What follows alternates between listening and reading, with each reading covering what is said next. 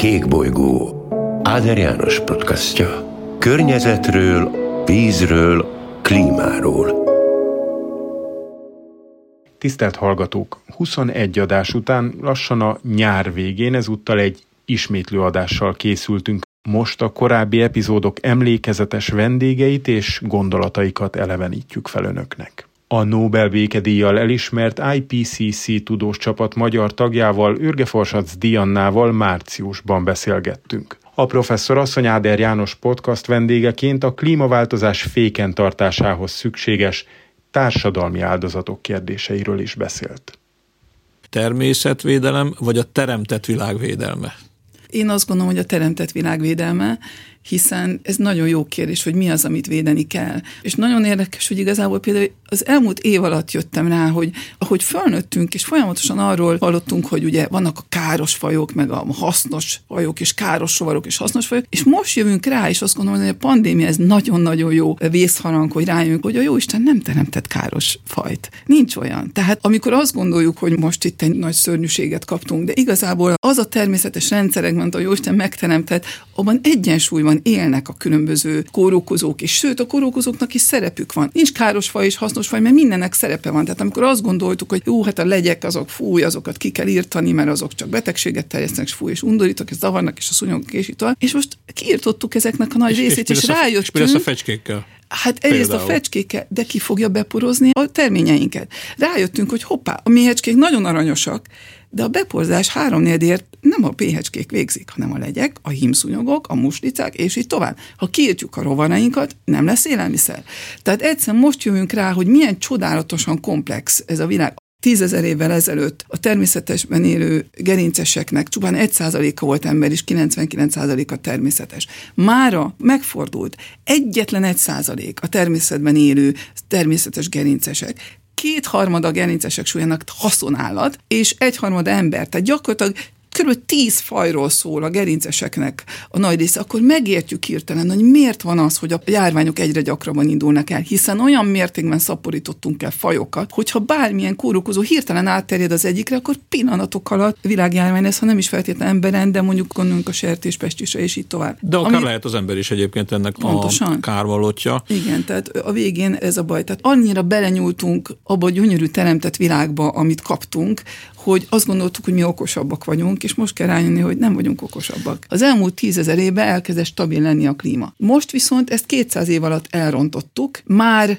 egy pár évtized alatt gyakorlatilag egyetlen egy egész fokot fölment a hőmérséklet, a globális átlag hőmérséklet. Erre azt gondolják, hogy egy fok, hát most ki foglalkozik egy fokkal, nem veszük észre, hogy egy fokkal melegebb vagy hidegebb, de igen, már ettől is sokkal több a szélsőséges időjárási jelenség, az asszály, az áradás, a vihar, a villámlási jelenségek, a szárazság, és így tovább bocsásson meg, meg közben szólva mindig a Persze. újabb gondolatot ad, hogy az egy fok, hát akkor nézzük, nem mindegy, hogy 37 fokos lázam van, vagy 38, vagy Pontosan. 38, vagy 39, hogyha most sok egy saját személyes, hál' nem vagyok lázas, de hogy esetleg egy mindannyiunk által már átélt személyes példát veszünk. Az, amit ön mondott, az nagyon fontos, szeretném a hallgatók számára is hangsúlyozni, hogy ezt hívják egy édenkerti állapotnak ezt az utolsó tízezer évet, ahol ezek a hatalmas kilengések, nagy felmelegedések, nagy lehűlések megszűntek, és az elmúlt tízezer évben egy stabil klimatikus állapot, egy stabil klíma alakult ki, és ez a civilizáció fejlődésének az alapja. Bocsánat, itt szakítottam félbe.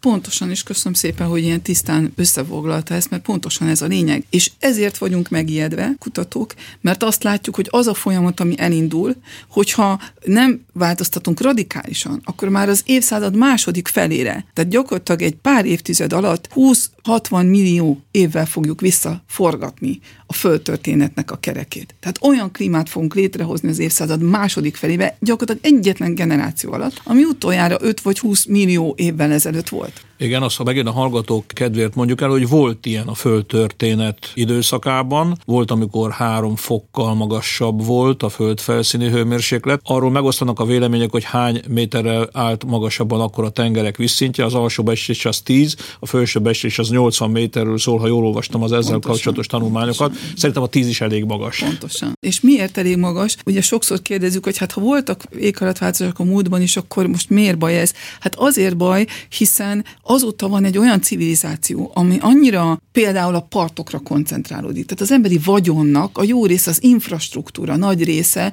partokon van, vagy tengerpartokon, vagy pedig akár olyan folyópartokon, vagy általában olyan vízközeli helyen, ami mind ki van téve ezeknek a szélsőséges időjárási jelenségeknek. Hát igen, nem kell mondjuk 10 métert, hogy emelkedjen a tengervízszint, elég másfél-két méter, és mondjuk Florida el fog tűnni. Pontosan. Egy kis dombocska marad néhány helyen. Pontosan, de akinek mondjuk Velence közel a szívéhez, hát már mit látunk ugye tavaly Velencében. Nem kell ahhoz nagyon sokat emelkedni, hiszen nem úgy emelkedik a tengerszint, hogy szépen-szépen lassan, hanem amikor szélsőséges jelenségek vannak, akkor hirtelen ezek sokkal erősebbek. Tehát már azért az európai kultúra része már most is veszélyeztetve van egy-két éven belül, hiszen például Velence már nagy bajban van. De ugyanígy Hollandiától kezdve nagyon sok terület van Európában Banglades is. Például. Banglades, hát az például. Én nem is tudom, hogy hogy fogja azt az emberiség túlélni, amikor már 2070-re, tehát mi már nem leszünk itt, de a gyerekeink meg itt lesznek. 2070-re 3,5 milliárd ember fog élni olyan területeken, ami biológiailag az emberi faj számára lakhatatlan lesz. És akkor most még csak a melegről gondoltunk, és nem is mondjuk az eládadásra, mint mondjuk Banglades. Tehát hogy tudjuk felosztani a földet még egyszer, hogy az a 3,5 átéli, mert hova megy. Mit kellene cselekednünk, mit kellene tennünk? Szerencsére azt gondolom, hogy teszünk is, és nem csak azt mondjuk, hogy kellene, én azt gondolom, hogy el is kezdtük a cselekvést csak nagyon föl kell gyorsítani. És nagyon nehéz röviden beszélni erről, mert itt nem egy dologról van szó, hanem nagyon-nagyon sok dolog összességéről. Hát ha röviden azért összefoglalnám, főleg azért ennek a kulcs, hogy le kell szoknunk a fosszilis üzemanyagokról, vagyis az olajról, a szénről és a gázról. Ez nem egy könnyű dolog, hiszen a mai gazdaságok, különösen a gazdag országokban teljesen kábítószerszerűen rá vannak szokva ezekre, és nagyon-nagyon nehéz ez az átállás. Viszont a jó hír az, hogy át lehet állni, és ha ezt ügyesen csináljuk, akkor ez nem a gazdaságot tönkre fogja tenni, hanem igazából egy tisztább, egészségesebb, igazságosabb, és összességében még talán gazdagabb, és én azt is állítom, hogy boldogabb társadalmat is fog eredményezni. Persze nagyon sokféleképpen lehet megoldani az éghajlatváltozást, vagy legalább sokféle úton lehet elindulni, még a másfél fokot is valószínűleg többféleképpen el lehet érni, de nagyon nem mindegy, hogy melyik utat választjuk. És ez a nehéz kérdés, és erre már nincsen konszenzus, amelyik szakembert megkérdezünk, nyilván mást mond. Én azt gondolom, hogy ha jó irányba indulunk, akkor tényleg egy tisztább levegője, egy boldogabb, egy jobb gazdasági, egy jobb társadalmat is el tudunk érni ezzel a folyamattal. Kék bolygó Áder János podcastja.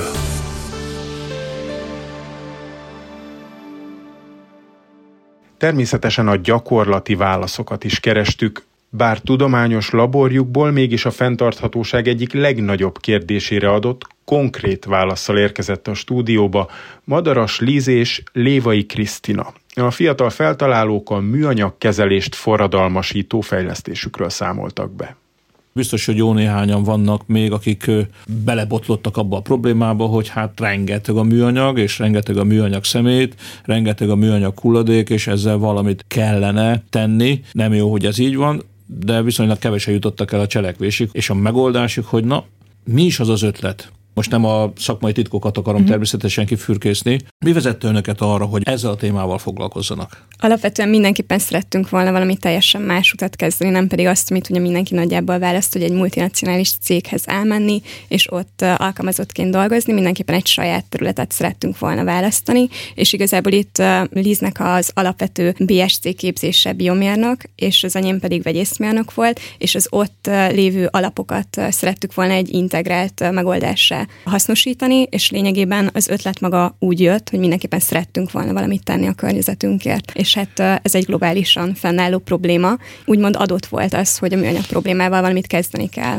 Láttok fotókat, láttok videófelvételeket különböző helyeiről a világnak, ahol riasztó mértékben föl gyülemlett már a műanyag szemét, vagy esetleg a közvetlen környezetükben láttak riasztó példákat? Tehát mi vezette mégiscsak önöket ehhez a témához? Kettő. Mindkettők nevében beszélek, amikor elmondhatom azt, hogy ahogy mi cseperedtünk fel, láttuk azt, hogy egyre romlik a környezetünk állapota. És mikor eljutottunk egy olyan szintre, ahol volt már egy kézzelfogható tudás a kezünkben, úgy döntöttünk, hogy ezt egy olyan célra fordítjuk, ami nem csak nekünk jó, hanem az egész Földnek akár jó lehet. Ez a, műanyag probléma volt az, ami legjobban megütötte a szemünket, szívünket, mindenünket, és ezért döntöttünk úgy, hogy beleáldozzuk a szabadidőnket, a saját erőforrásainkat, hogy valami olyan megoldást tudjunk kitalálni, ami használható egy valós világi környezetben. Az évente előállított és felhasznált műanyagok mennyisége az elmúlt 50 évben 20-szorosára nőtt. Másodpercenként, tehát minden egyes másodpercben 20 ezer darab PET palackot értékesítenek a világon. A harmadik. Egy ilyen PET palackot 5 másodperc legyártani, átlagosan 5 percig használjuk, de a lebomlás ideje az körülbelül 500 év. A negyedik mondat, hogyha így folytatjuk a környezetünknek a szennyezését, a műanyaggal való szennyezését, és a folyókba, tengerekbe, óceánokba ilyen mértékben öntjük bele továbbra is a műanyag szemetet, akkor 2050-re több műanyag lesz a tengerekben és az óceánokban, mint hal. Tehát ez a négy tételmondat is azt gondolom, hogy világosan bizonyítja mindenki számára, hogy nagyon súlyos problémáról van szó, és ezt már ugye régóta tudjuk, mert ugye az elmúlt évtizedekben növekvő problémáról volt szó, és azt is tudjuk, hogy nagyon sokan keresték és keresik mind a mai napig a megoldást erre a problémára, hogy hogyan lehet a műanyagokat, a használt műanyagokat újra hasznosítani. Mi az önök innovációjának a lényege? Megint csak nem műszaki titkokat akarok, vagy műhely titkokat, de hogy mennyiben más a megközelítésmód, mint a korábbiaké. Olvastam néhány nyilatkozatukat, majd azt inkább később idézném, úgyhogy meghallgatnám szívesen, meg gondolom a hallgatók is, hogy mennyiben is más ez a technológia, amit kitaláltak. Alapvetően valóban nagyon széles az eddigi irodalmi publikációknak a száma, közel 50 éve foglalkoznak a megoldás megtalálásával. Jelenleg a legelőre haladott állapotban lévő cég a Carbios nevű francia vállalathoz fűződik. Az ő technológiájuk azonban csak a PET-nek a kezelésére fókuszál, és enzimatikus úton bontják monomerekre az alapvető műanyagot, és utána később ezt szeretnék újra polimerizálni, tehát egy teljesen más eljárásnak tekinthető, mert esetünkben egész sejtes oh. baktériumokat használunk Azt azért hadd kérjem, hogy én ugyan szerettem a kémia órát. Igen, igen, mindenképpen kicsit egyszerűsítve. De, és a hallgatók egy része is szerette a kémia tanárt és a kémia órát, de azért úgy magyarázzák el ezt nekem, Rendben. meg a hallgatóknak mm. is, hogy ezt meg is értsük, mert azt gondolom, hogy a szakmai részleteket mi nem biztos, hogy tudjuk majd követni. Igazából itt ebből a lényeg, ami mindenképpen megragadandó, az az, hogy a PET palack, ugye a kolásüvegek és mindenféle üdítők tárolására alkalmas műanyag, az egyedüli, ami az ő cél targetükben van. Viszont esetünkben nem csak ezt a műanyagot vagyunk képesek bontani, hanem műanyagoknak egy nagyon széles spektrumát. Tehát, hogy minden, ami a sárga kukába bele lehet dobni, azt mi képesek vagyunk lebontani és kezelni. Minden, ami a háztartásban termelődik műanyag, polipropilén, polietilén, HDPE, LDPE fóliák, tehát az egyestől a hetes kódú műanyagokig nagyjából mindent. Líz, akar valamit hozzátenni? Azt tenném hozzá, hogy a mi eljárásunk azért különleges, mert ezeket a műanyagokat, amelyek úgy voltak tervezve, hogy időtállóak legyenek, környezetállóak legyenek, a mi baktériumjaink képesek egy környezet azonos anyaggá átváltoztatni, amelyel vissza tud kerülni az ökoszisztémába, ahová igazából mindennek vissza kellene kerülnie talán egy kicsit könnyebben tudjuk mindannyian befogadni a gondolatot, hogyha most akkor megint csak Madaras Tíznek néhány gondolatát egy korábbi interjúból idézném, ami részben erre a kérdésre ad választ. Ugye mikroorganizmusokkal dolgoznak, egy úgynevezett baktérium koktéllal, most leegyszerűsítem ezt a dolgot, mert nyilván lenni sokkal bonyolultabb, de egyszerűen fogalmazzuk ezt meg így, és azt mondta ön, hogy ezek a mikroorganizmusok elérték, hogy az egykor volt állati és növényi maradványokból felépülő műanyagok visszakapják eredeti több millió éves szerepüket, és újból a földi ökoszisztéma részei legyenek. Nagyon egyszerű, hát mindannyian tudjuk, hogy az olaj, amiből aztán a műanyagot csináljuk, az állati, növényi eredetű, azokból a maradványokból képződött sok-sok millió évvel ezelőtt. Ebből mi különböző eljárással műanyagot készítünk. És aztán ezt a folyamatot fordítjuk vissza, ha úgy tetszik, és próbáljuk meg az eredeti formát helyreállítani. Ha jól értem, a magam laikus módján ez ezt jelenti ez a mondat. És aztán még folytatódott az interjú, mert azt mondta, ennek az eljárásnak az a különlegessége, hogy minden nagyobb költség és beruházás nélkül lehet ezt megvalósítani, ez egy nagyon-nagyon fontos mhm. kérdés, és minden előzetes kémiai kezelés, feldolgozás és komolyabb tisztítás nélkül képes eltüntetni a műanyagot, ráadásul nem szabadul fel semmilyen káros anyag a folyamat során. Erre írt azt a Forbes magazin, idézem a november 11-i számokban, hogy ez szinte túl szépen hangzik, hogy igaz legyen. És ráadásul kimaradt egy fontos szintén előny, a technológiai előny a felsorolásból, és az az, hogy nem kell előválogatni a műanyagokat. Mert jelenleg a műanyag kezelésnek egy fontos lépése az, hogy szét kell típusonként válogatni az összes műanyagot. A mi technológiánk az egy rendkívül robosztus eljárás, és lényegében ömlesztve, keverten tudjuk lebontani őket. Kék bolygó. Az elmúlt másfél év legtöbbet tárgyalt témája a koronavírus járvány volt. Szlávik János infektológus főorvos többször is Áder János vendége volt – november 9-i adásunkban a COVID és a fenntarthatósági kérdések kapcsolatáról beszélt. Ma már egyre nyilvánvalóbb, nagyon sok cikk jelent meg, tanulmány, hogy a COVID is és más járványok is részben az életformánknak a következményei, annak a következményei, hogy kisajátítjuk a természetet, egyre nagyobb területeket, ha úgy tetszik, gyarmatosítunk, hódítunk meg, betonozunk le, és hajtunk uralmunk alá, bármint mi emberek, és ennek következtében szűkítjük az életterét a különböző élőlényeknek, a legkisebb vírusoktól kezdve az emlősökig, és ennek bizony mi is kárvalótjai leszünk. Hajlamosak vagyunk elfelejteni, hogy a fejlődő világ országai és városai egyáltalán nem úgy néznek ki, mint a mi európai és amerikai városaink. Tehát, hogyha Afrikában, Ázsiában megindul egy áramlás a városok felé, akkor ezt nem követi az a fajta modernizáció, ami Európában megszokott. Azaz, nem lesz rendes csatornázottság, attól még nem érik el az emberek a tiszta vizet, és attól még nem lesz annyi légkondicionált hely, ahol az életterüket tölthetik. Ez mind-mind oda vezet, hogy óriási veszélyben vannak a fertőzések szempontjából. Hiszen nem csak az emberek mennek a városokba, hanem a kórokozókat hordozó, például szúnyogok is igyekeznek alkalmazkodni a körülményekhez. Azaz például a malár malária szúnyogok ma már úgy alakultak át genetikailag, hogy sokkal inkább, ugye megszoktuk, hogy ők napnyugtakor, napkeltekor csípnek. A modern városokba költöző szúnyogok egész nap képesek csípni, és egész nap képesek az emberek életét megnehezíteni. Hajlamosak vagyunk arra gondolni, hogy a fejlődő országban az emberek egzotikus betegségekben halnak meg, pedig nem hanem igenis a, a szennyezett szennyvíz miatt a csecsemő halálozás hihetetlenül magas, igenis a gyerekek meghalnak az egyszerű tüdőgyulladástól, mert nincs pénz antibiotikumokra, nincs pénz megfelelő orvosi ellátásra. És az egzotikus betegségek azok egyébként visszahúzódóban vannak, erre jó példa a malária, ami ma már az európai régióban természetesen teljesen kipusztult, de úgy tűnik, hogy sikerül visszaszorítani. Bár rengeteg minden dolgozik ellene. A korábban említett urbanizáció, az erdőknek a kiirtása, az útépítések a dzsungelben, az, hogy a malária szúnyogok kezdik megszokni az írtószereket, az, hogy a malária parazita kezdi megszokni a gyógyszereket, ugye ne felejtsük el, a malária nem a fejlett világ problémája. Tehát na, nem nagyon fejlesztenek olyan gyógyszereket, amelyeket az újfajta rezisztens malária paraziták ellen kellene adni. Azaz, ez megint csak veszélyt jelent az emberekre. Mind-mind olyan tényezők, amikről elfeledkezünk. Hát gondoljuk végig, van-e jelenleg olyan egzotikus betegség járvány a világban, ami emberek millióit érinti? Hát van. A kolera. A kolera jelenleg Jemenben több millió embernek a megbetegedését okozza, és több tízezer ember hal meg benne, és hajlamosak vagyunk egy vállat vonni, hogy hát ez az ő problémájuk. Vagy a haiti földrengés után.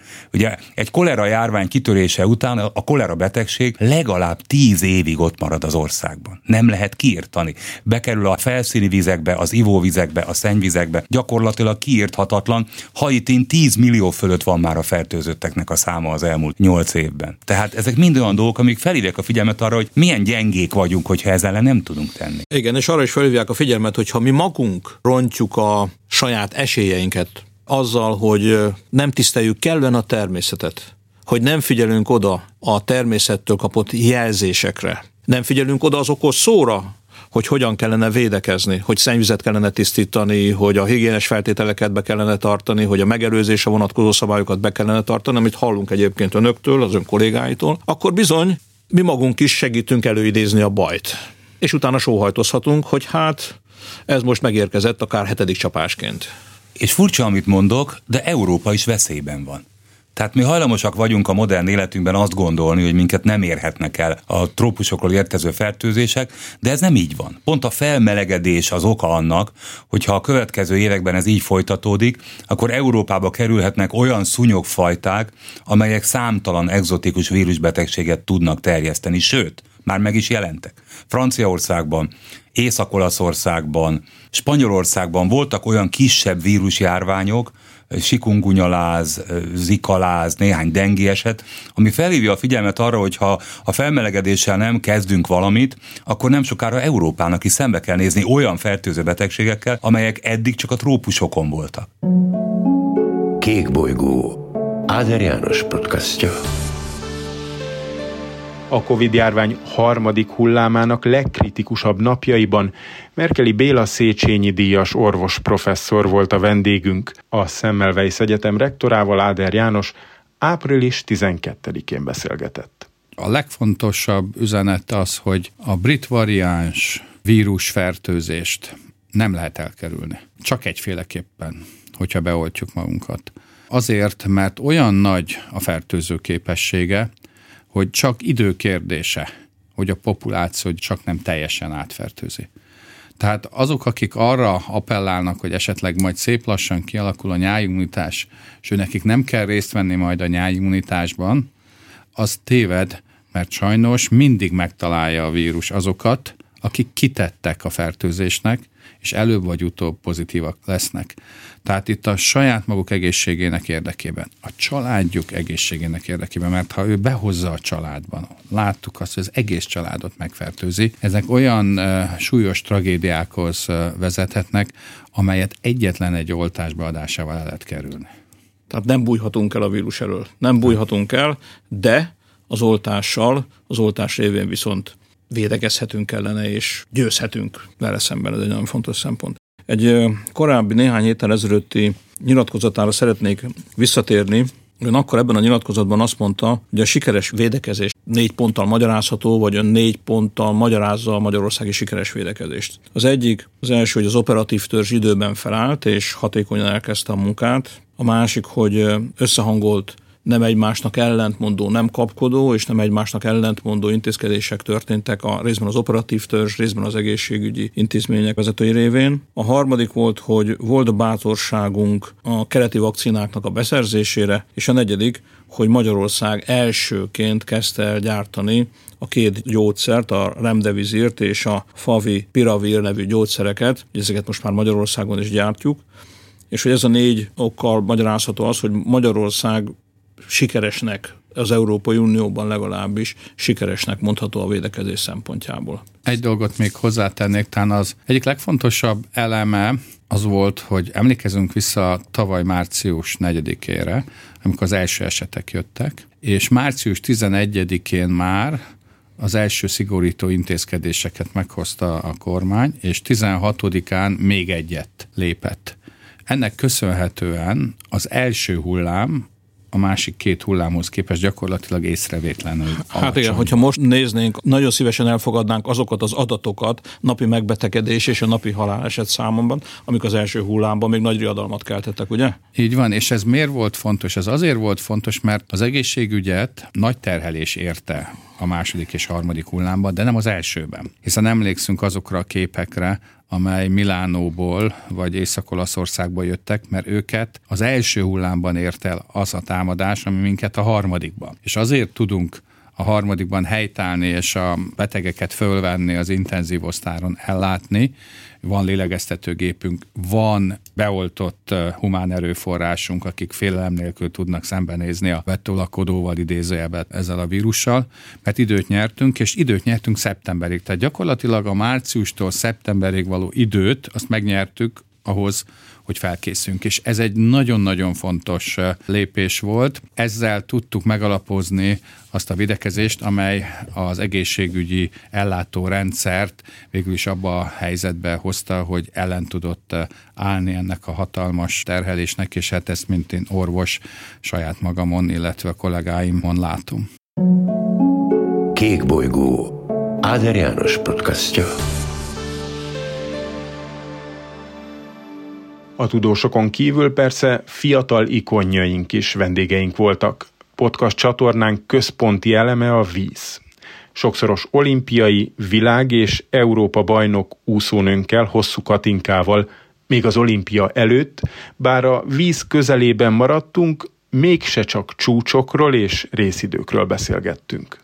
Visszagondolva a gyerekkoromra, tehát a víz nagyon központi szerepet játszott. Egész évben az én gyerekkoromban, tehát nekem az egyik nagypapám halász volt, ugye a másik nagypapám úszóedző, és halászlevet ettünk szerintem minden hétvégén, tehát az nálunk az ilyen hagyomány, hogy apukám hétvégén halászlevet csinál. Ezen felül meg ugye az unokatestvéreimmel, meg a testvéreimmel mindig jártunk horgászni. Azóta szerintem a nyári program pont. Természetesen nagyon sok minden érdekel, meg a későbbiekben is nagyon sok sok mindennel szeretnék foglalkozni, és ezért is örülök, hogy itt lehet, meg erről beszélgethetünk egy picit a fenntarthatóságról, meg a környezetünkről, mert ez például, hogy nekem van egy nevem, amivel esetleg tudok népszerűsíteni olyan pozitív hozzáállásokat, vagy olyan pozitív megnyilvánulásokat, ami esetleg bármiben tud segíteni, azt a jövőben ilyen dolgokra szeretném felhasználni. Nagyon-nagyon fontosnak tartom pont azért, mert most már szerintem mindenki észreveszi, amiről beszéltek 20-30-40 évvel ezelőtt, hogy mi fog történni történni a Földünkkel, hogyha nem figyelünk, és ebbe egyébként nagyon szomorú belegondolni, hogy ha így folytatjuk, akkor mi lesz velünk, és mi lesz a Földdel. Az én generációmnak, meg a fiatalabbaknak egyébként szerintem nagyon fontos, hogy először is kicsivel többet megtudjanak arról, hogy most mit is jelent ez a fenntarthatóság, és hogyan tudnak ők személy szerint figyelni a környezetükre. Én például nagyon figyelek arra, hogy tényleg azt vegyem meg, amire nekem szükségem van. Ha megveszek valamit, akkor minőségit vegyek, hogy azt nagyon sokáig tudjam használni. Nekem ezek nagyon-nagyon fontos dolgok, hogy én, mint személy, tényleg minimalizáljam azt, ami szemét és amit én termelek ilyen szempontból. Nemrég láttam a Netflixen, David Attenborough? Igen. Egyrészt ugye ez egy gyönyörű film, tehát nagyon-nagyon szépen meg van csinálva, másrésztről meg szerintem jó pont azért, mert nagyon sok olyan sokkoló rész is van a filmben, amit tényleg elgondolkodtat, hogy akkor tényleg ez, amit mi itt csinálunk, az hogyan befolyásolja a, a föld többi részét. Én gondolom, hogy főleg a fiatalok, meg az én generációm, azok nagyon türelmetlenek. Ugye alapvetően úgy nőttünk fel, hogy azért a mi időnkben, amikor tizenévesek voltunk, jelent meg az internet, úgyhogy én mindig erre fogom rá egy picit, hogy mindig minden ott van instant a kezünkbe, és nagyon gyorsan tudunk előre haladni, és most ugye ez az időszak ez nem erről szól, hanem ki kell várni és türelmesnek lenni. Igazából ebből a szempontból jó tanulság, meg jó időzőbe erőpróba itt a fiataloknak, hogy türelmesebbek legyenek. De nem lehet, hogy ennek a türelmetlenségnek az is magyarázata, hogy ez a generáció, és egyébként az én generációmra is igaz ez, tehát két generáció igazából komoly válságot még nem élt át. Sem háborút, sem polgárháborút, sem komoly gazdasági visszaesés, sem komoly járvány. Tehát az én generációm se az önése. Lehet, hogy ez az oka egyébként a türelmetlenségnek, hogy nem tapasztaltunk még meg ilyen nehéz helyzeteket, és nem tudultunk meg ehhez alkalmazkodni? Ez egy nagyon jogos felvetés, mert tényleg nagyon kényelmesen élünk, és nehéz is elképzelni, hogy voltak idők, amikor háború volt, és, és most meg ugye az a nehézség, hogy otthon kell lennünk. Ez nagyon érdekes, hogy tényleg nekünk ez adott, mint hogy minden kényelmes, és minden ott van. Kék bolygó. A világ egyik legismertebb és legelismertebb természetfotósa és vendégünk volt.